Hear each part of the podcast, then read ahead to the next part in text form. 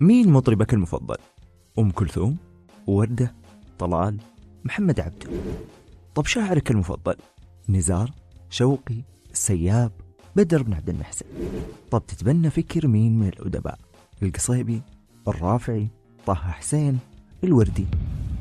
ما أقدر أجاوب عنك لكن اللي أقدر أقوله إن نتاجهم الأدبي والفني ما جاء من فراغ ولا ضربة واحدة ورا كل عمل لهم في حكاية. وأنا هنا طلال الحربي راح أحكي لكم هذه الحكاية. السلام عليكم ورحمة الله. شخصية هذه الحكاية ما تكفيها حلقة واحدة للأمانة. لكني حاولت أني أخذ الموجز المفيد.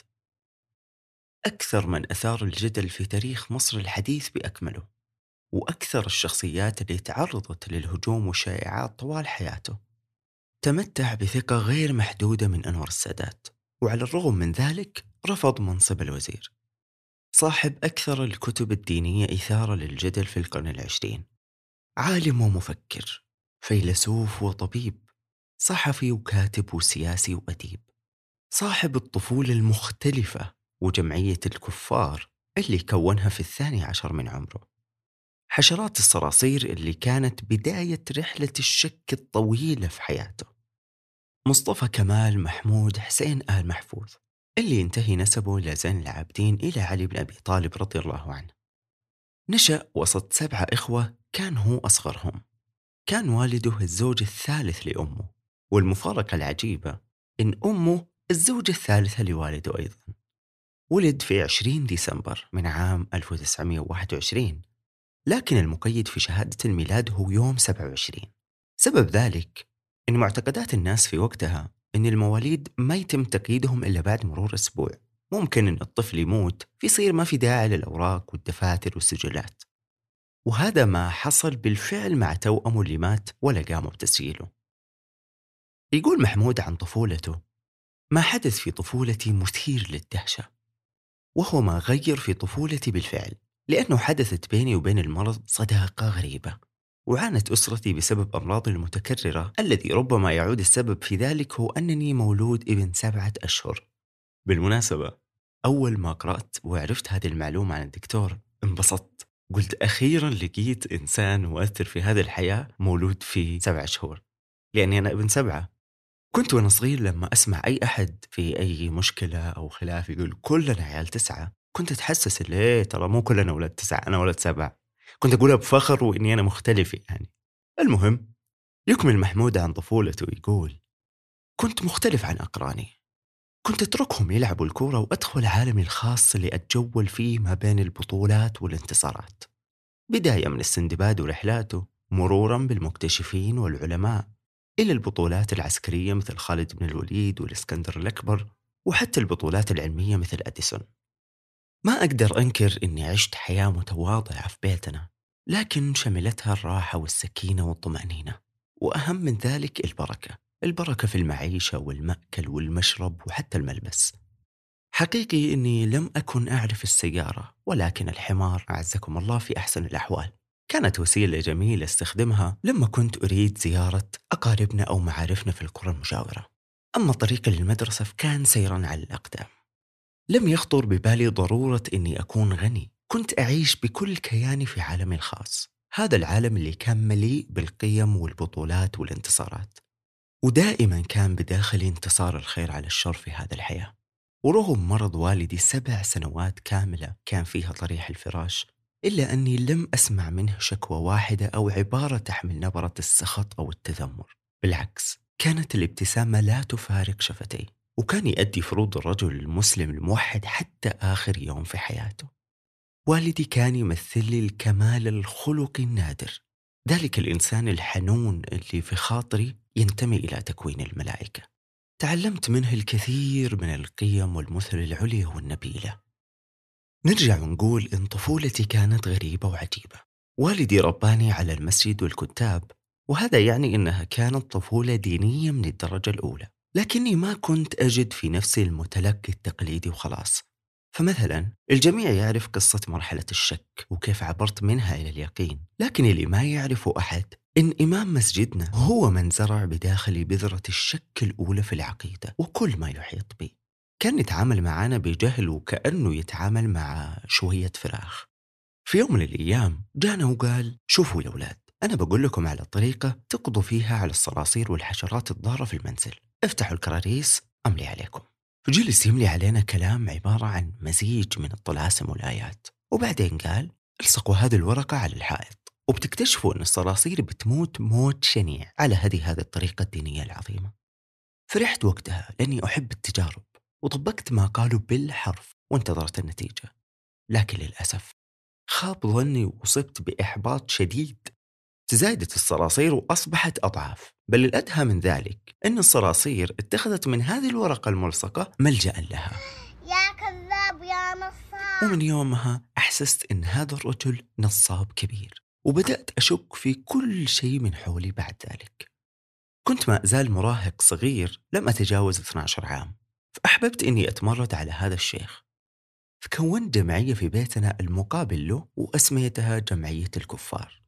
كنا نكتب مطبوعات هذه الجمعية ونحاول أن إحنا نخترق المسجد عشان نلصقها داخله ونوزعها على المصلين عشان نجذب أعضاء جدد.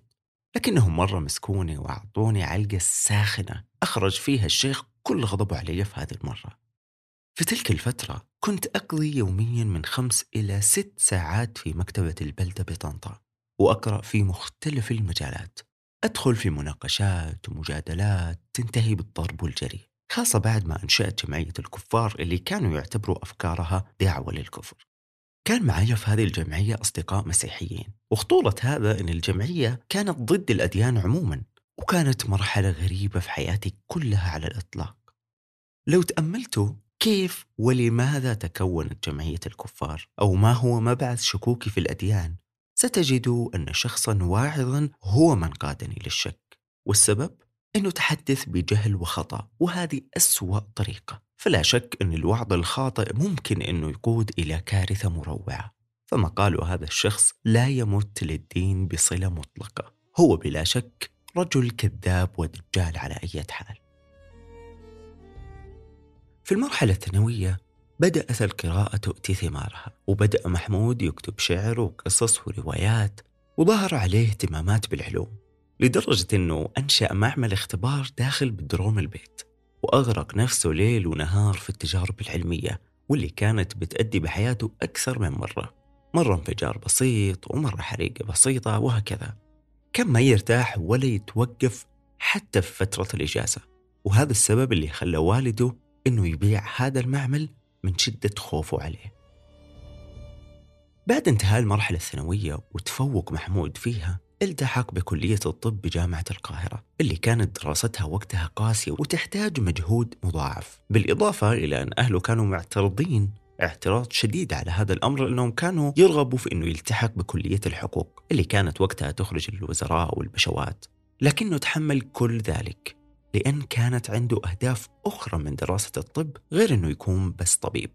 يقول محمود عن تلك الفترة بعد ما تعرفت على البكتيريا اللي تسبب الأمراض وكيفية علاجها وبعد وقوفي أمام الجثث الموجودة داخل المشرحة بالساعات وجدت نقطة البداية للإجابة على كل ما يدور في فلك الحياة. بدأت أعرف من أين جئنا وإلى من سنذهب. فتعلقت بشدة في المشرحة. كنت أول طالب يدخلها وآخر من يغادرها لدرجة أن يوم من الأيام أغلقوا أبواب المشرحة وأنا بداخلها. في ظنهم أنه لم يتبقى أحد.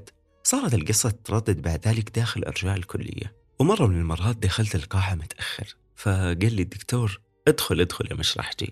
وبعدها صار هذا اللقب الرسمي لي ما بين الطلبة. حبي للتشريح كان لدرجة التعلق. ومن عشقي للجثث والتشريح اشتريت جثة إنسان ميت بخمسين قرش. وحملته وقتها بصعوبة لأن وزنه كان ثقيل لامتلاءه بمادة الفورمالين. رحت البيت وأنا سعيد جدا. وبمجرد دخولي غرفتي شاهدتني أمي وصرخت خائفة حتى فقدت الوعي. ولما أفاقت صرخت في وجهي وقالت لي إيه المصيبة اللي أنت جايبها البيت دي؟ بني آدم ميت؟ حرام عليك حرام عليك ترضى لما موت حد يعمل فيا كده. فضحكت وقبلت يدها معتذرا لأني تسببت في فزعها. وقلت لها يا أمي لازم أذاكر على هذه الجثة دروس التشريح طوال إجازة الصيف عشان أنجح بتفوق. وبعد ساعات من المحاولات بإقناعها وافقت بشرط إني أقوم بتنظيف غرفتي طول فترة وجود الجثة لأنها ما راح تقربها. فوافقت على طول ودخلت غرفتي وحطيت الجثة تحت سريري وكل يوم أتدرب عليها. تخيلوا رجل ميت عايش معك في غرفة أربع شهور. لم يمنع مصطفى محمود حبه للتشريح والعلم من ممارسة هواياته المحببة. واللي كان أبرزها الموسيقى. ترجم محمود مشاعره الفنية إلى شيء واقعي لكن كان شيء واقعي مختلف وغريب شوية. اتفق مع صاحب فرقة لإحياء الأفراح إنه ينضم لفرقتهم بدون مقابل بسبب إنه هاوي وما ينوي احترافه من باب أول التجربة. وفي يوم من الأيام صار له موقف طريف لم ينساه طوال حياته واللي دائما ما يقصوا على أولاده ويضحكوا منه. فيقول كنت أعزف مع الفرقة في أحد الأفراح على سطح أحد المنازل وتفاجأت بأحد زملائي في الكلية يقف من على السطح المقابل مع مجموعة من الشباب فكان يقول لي هو ميت من الضحك الله يا دكتور سمعني يا دكتور اشجيني حلوة أوي الحتة دي يا دكتور. يا سلام. طب علشان خاطر الرقاصة دي عيدها تاني. في اليوم الثاني لما رحت الكلية وجدت إن طلبة كلية الطب ما لهم حديث سوى هذا الموضوع. وطبعا سمعت تلقيح وكلام زي السم.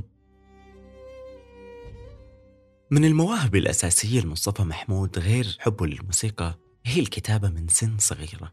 وعن هذه الملكة وكيف اكتشفها في نفسه سألوا الصحفي والروائي السيد الحراني صاحب كتاب مذكرات مصطفى محمود عن ذلك فكانت إجابته لا تأخذ الكلام القادم على محمل الرتابة أو التقليدية. أنا أعلم أن الكل يحاول أن يمزج بين بدايته وبين الدين.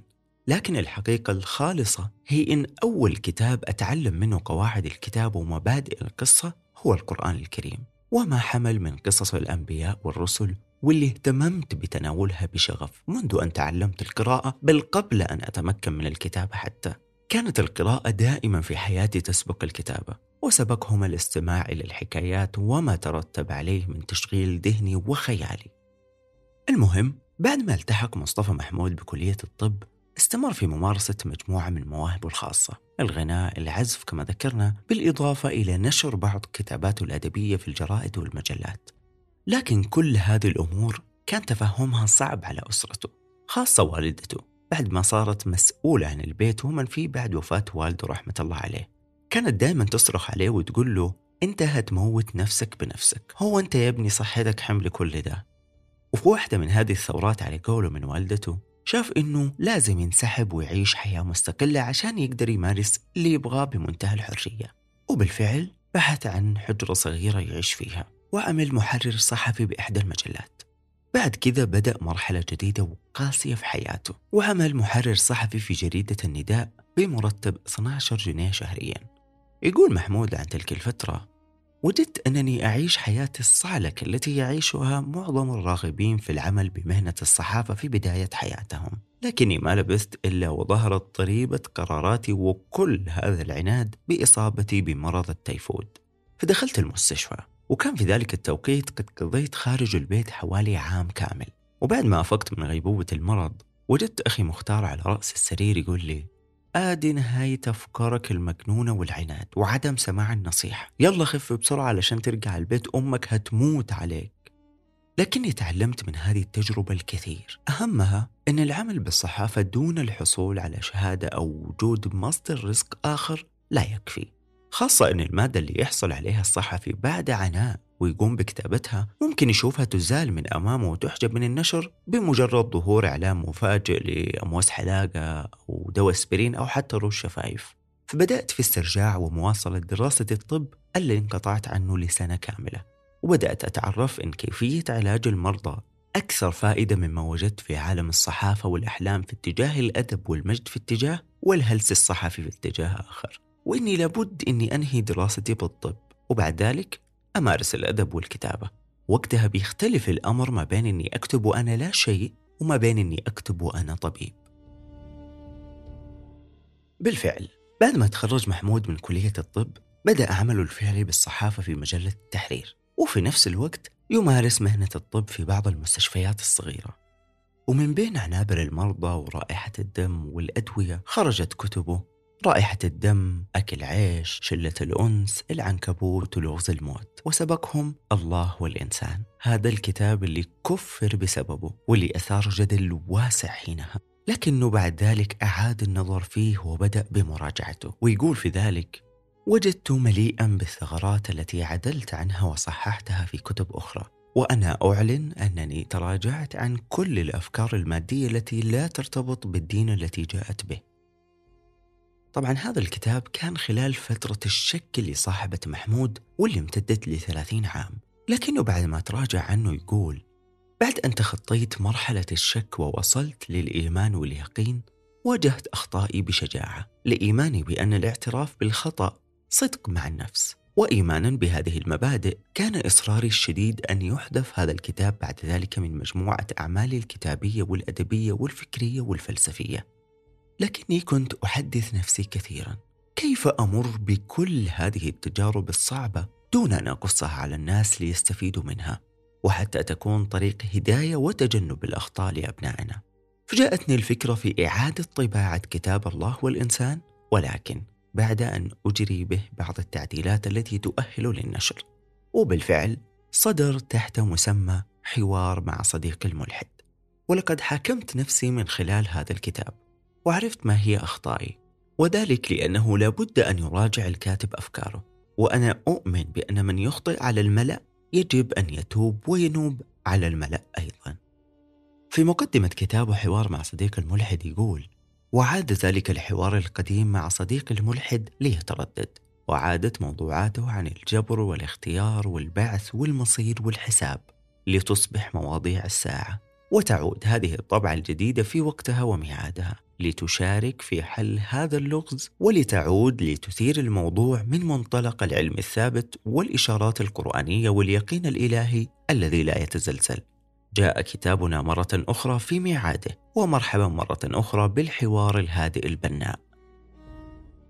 بالمناسبة من أهم وأشهر مؤلفات هذا المحمود حوار مع صديق الملحد ورحلتي من الشك إلى الإيمان واللي أجاب فيها عن كل ما كان يشغل فكره طيلة الثلاثين سنة.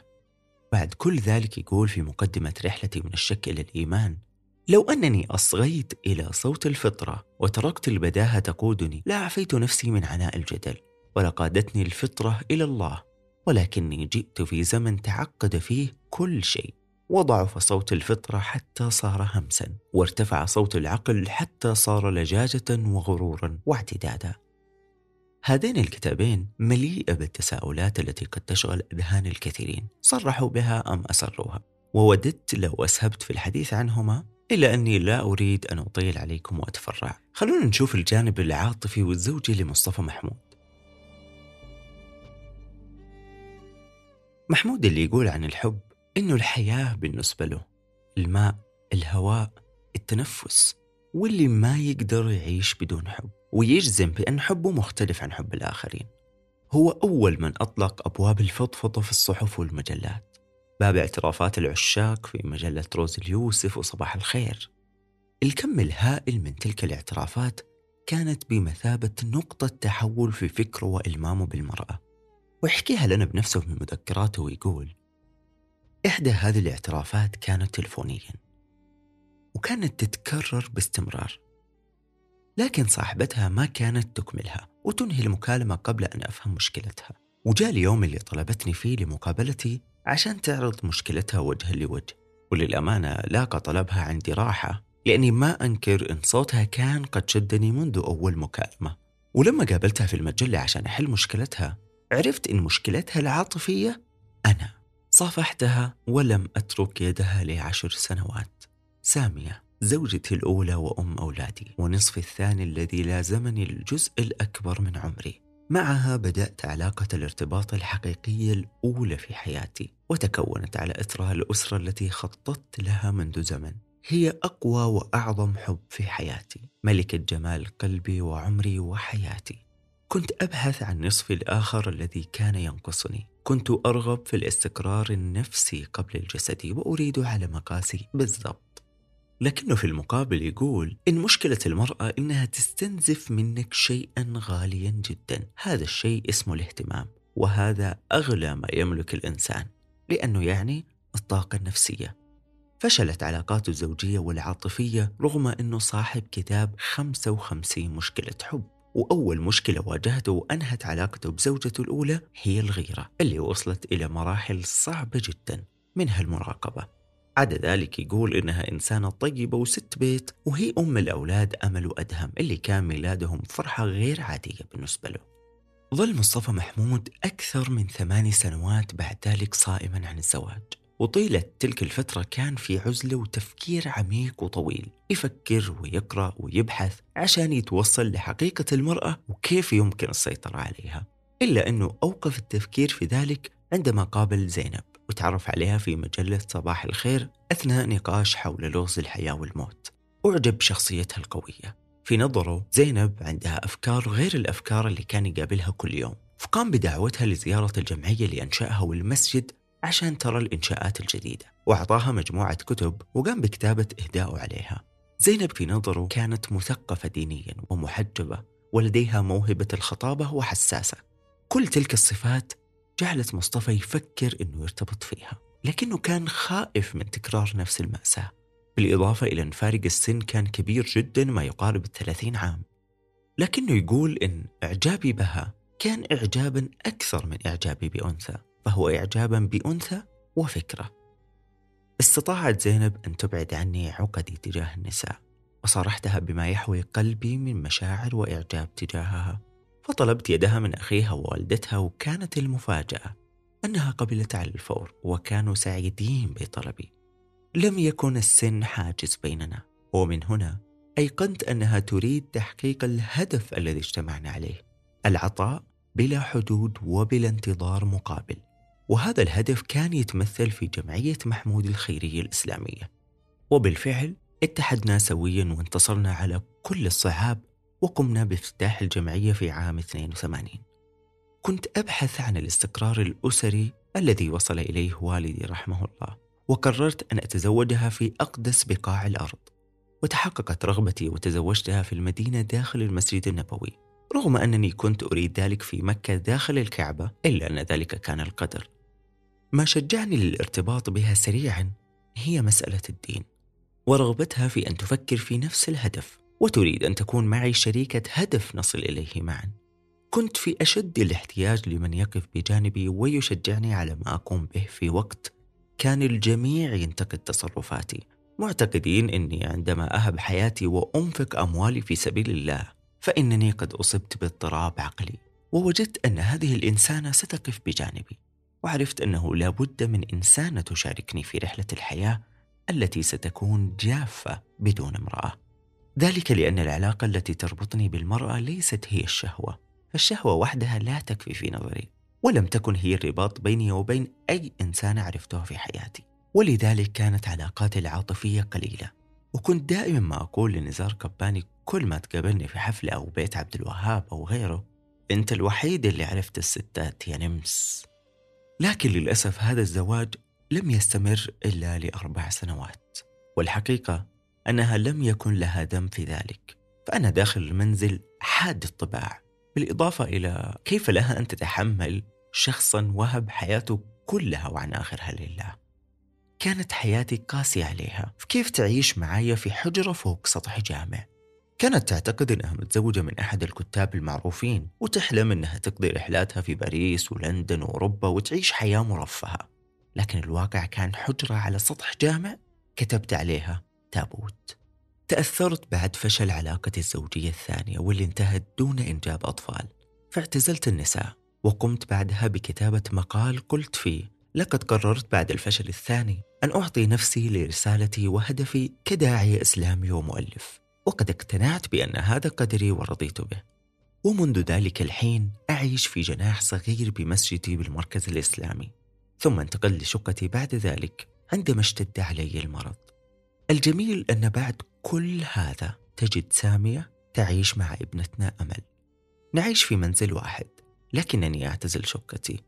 هل تعلمون أنني بعد نوبات الغيبوبة التي تنتابني من عام لآخر أسقط وأستيقظ لأجد سامية تتناوب مع أمل السهر علي ومداواتي حتى إطعامي وإعطاء الدواء؟ تعلمون؟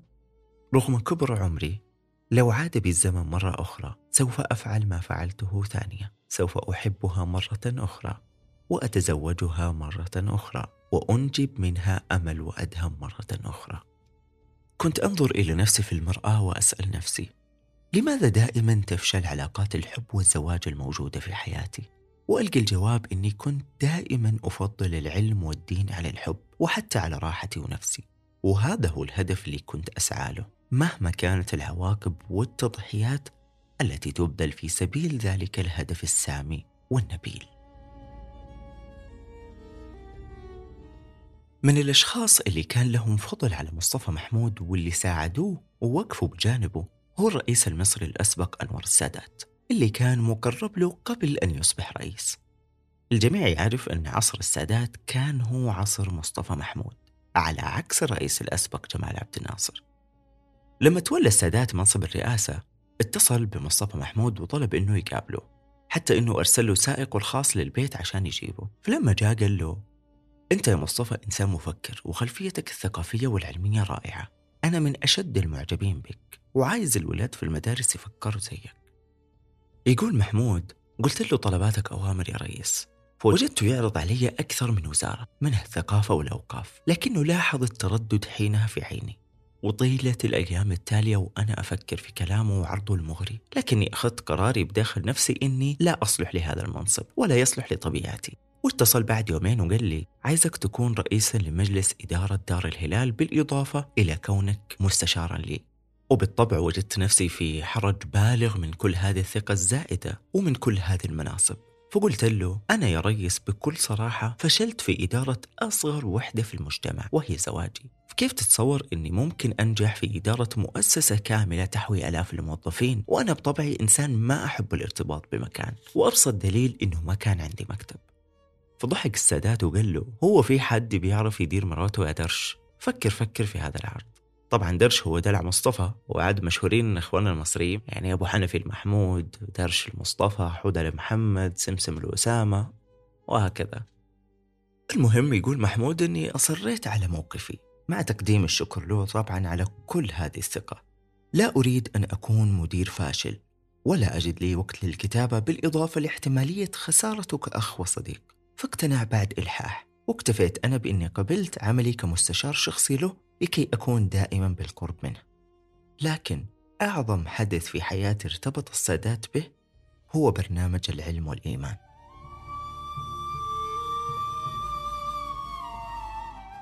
كان مولد البرنامج بتشجيع منه. خطط لمشروعي الكبير آلاف الساعات لأبدأه. وكان السادات يزهو كثيرا باللقب الذي أطلقت عليه رئيس دولة العلم والإيمان. وكان البرنامج البرنامج اللي التفت حوله الأسر العربية جميعا طوال 28 عام واللي زادت حلقاته عن 400 حلقة. بالمناسبة هذا البرنامج جميل ومفيد وثري بكل أمانة. كان يهدف لتناول العلم على الأسس الإيمانية أو المزج ما بين عجائب وغرائب هذا الكون وبين الإيمان بوجود الله وقدرته على تغيير الأشياء والتأمل في قدرته.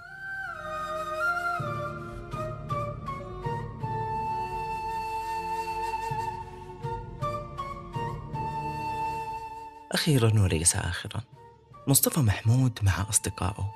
أو خلينا نقول صديق واحد لأن الصديق المقرب لمصطفى محمود واللي كانت علاقته معه علاقة مختلفة ومتميزة هو الموسيقار محمد عبد الوهاب.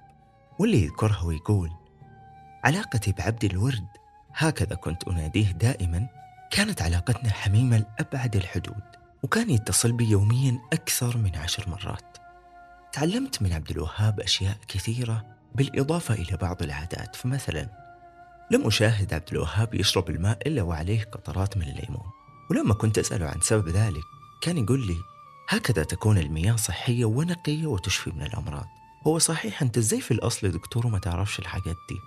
ومن بعدها وبدون تردد لم أشرب الماء إلا بعد تقطيره بالليمون وتأكدت بعدها من صحة كلامه. وعرفت أن عبد الوهاب طبيبا لم يدرس الطب. كما كان يراني فنانا لم أدرس الفن. عبد كان رجل مدرك لعيوبه ومميزاته وبداخله الإنسان الشرقي المتدين المؤمن. وكان يطلبني في الواحدة بعد منتصف الليل ليناقشني في الثواب والعقاب ويبكي بكاء متصلا. إن الإيجابيات في شخصية عبد الوهاب أكثر من السلبيات بكثير. فيه سماحة ووداعة وخصال طيبة لم أراه مرة يسب أو يشتم أو يظلم. بداخله السياسي والدبلوماسي ولو أنه اتجه لغير الفن لكان من كبار الساسة في العالم وهو من القلائل الذين جمعوا ما بين الفن والحكمة. خلوني أترككم مع هذا الموقف اللي يحكيه مصطفى محمود مع صديقه عبد الوهاب. يعني جيت في لحظة كده بقى عندي سبعين كتاب وكانوا من الكتب الشديدة الرواج وإيرادها كبير وفي وقفة كده مع النفس. قلت الله يعني طب وأنا في النهاية يعني هقابل ربنا بشوية كلام. ده أنا كل محصولي من الدنيا شوية كلام. الحكاية دي ضايقتني. أياميها قلت لعبد الوهاب وكان صديق دايما نتقابل من وقت للتاني. قلت له اسمع بقى ده كلام فاضي. مش معقول أقدر اقابل ربنا بشوية كلام. يعني أنت قال لي طب وإيه فيها إيه؟ ده اسمه فن. ده اسمه فن. طب ما أنا هقابل ربنا بشويه غنى. قلت له هتقابله إيه؟ بلاش تبوسني في عينيا. البوسة في العين تفرق ولا هتقول, له الدنيا سيجارة وكاس. يعني بيني وبينك يا عوبر برضه موقفك موقفك يعني مش مضمون. وابتدى بينا مساجلة مستمرة. هو يقول لي وبإيمان شديد. خطورة الفن وإن الفن شيء بيغير الدنيا وإن الكلمة ممكن ومش عارف إيه يميها قلت له لا شوف بقى في فرق بين أقوال وأعمال. في حاجة اسمها أعمال. قال لي يعني إيه أعمال؟ قلت له يعني إطعام جائع أو كسوة عريان أو كفالة يتيم أو عمل مشروع خدمي ينفع الناس ويبقى صدقة ليك بعد موتك. إنك واحد بيموت وبتسعفه. طب هتسعفه بايه غنوة مش هتنفع الغنوة. فإذا في أعمال وفي أقوال. حتى عندنا في الدين ربنا يقول يا أيها الذين آمنوا اتقوا الله وقولوا قولا سديدا. يصلح لكم أعمالكم. معناها إن القول شيء والعمل شيء ثاني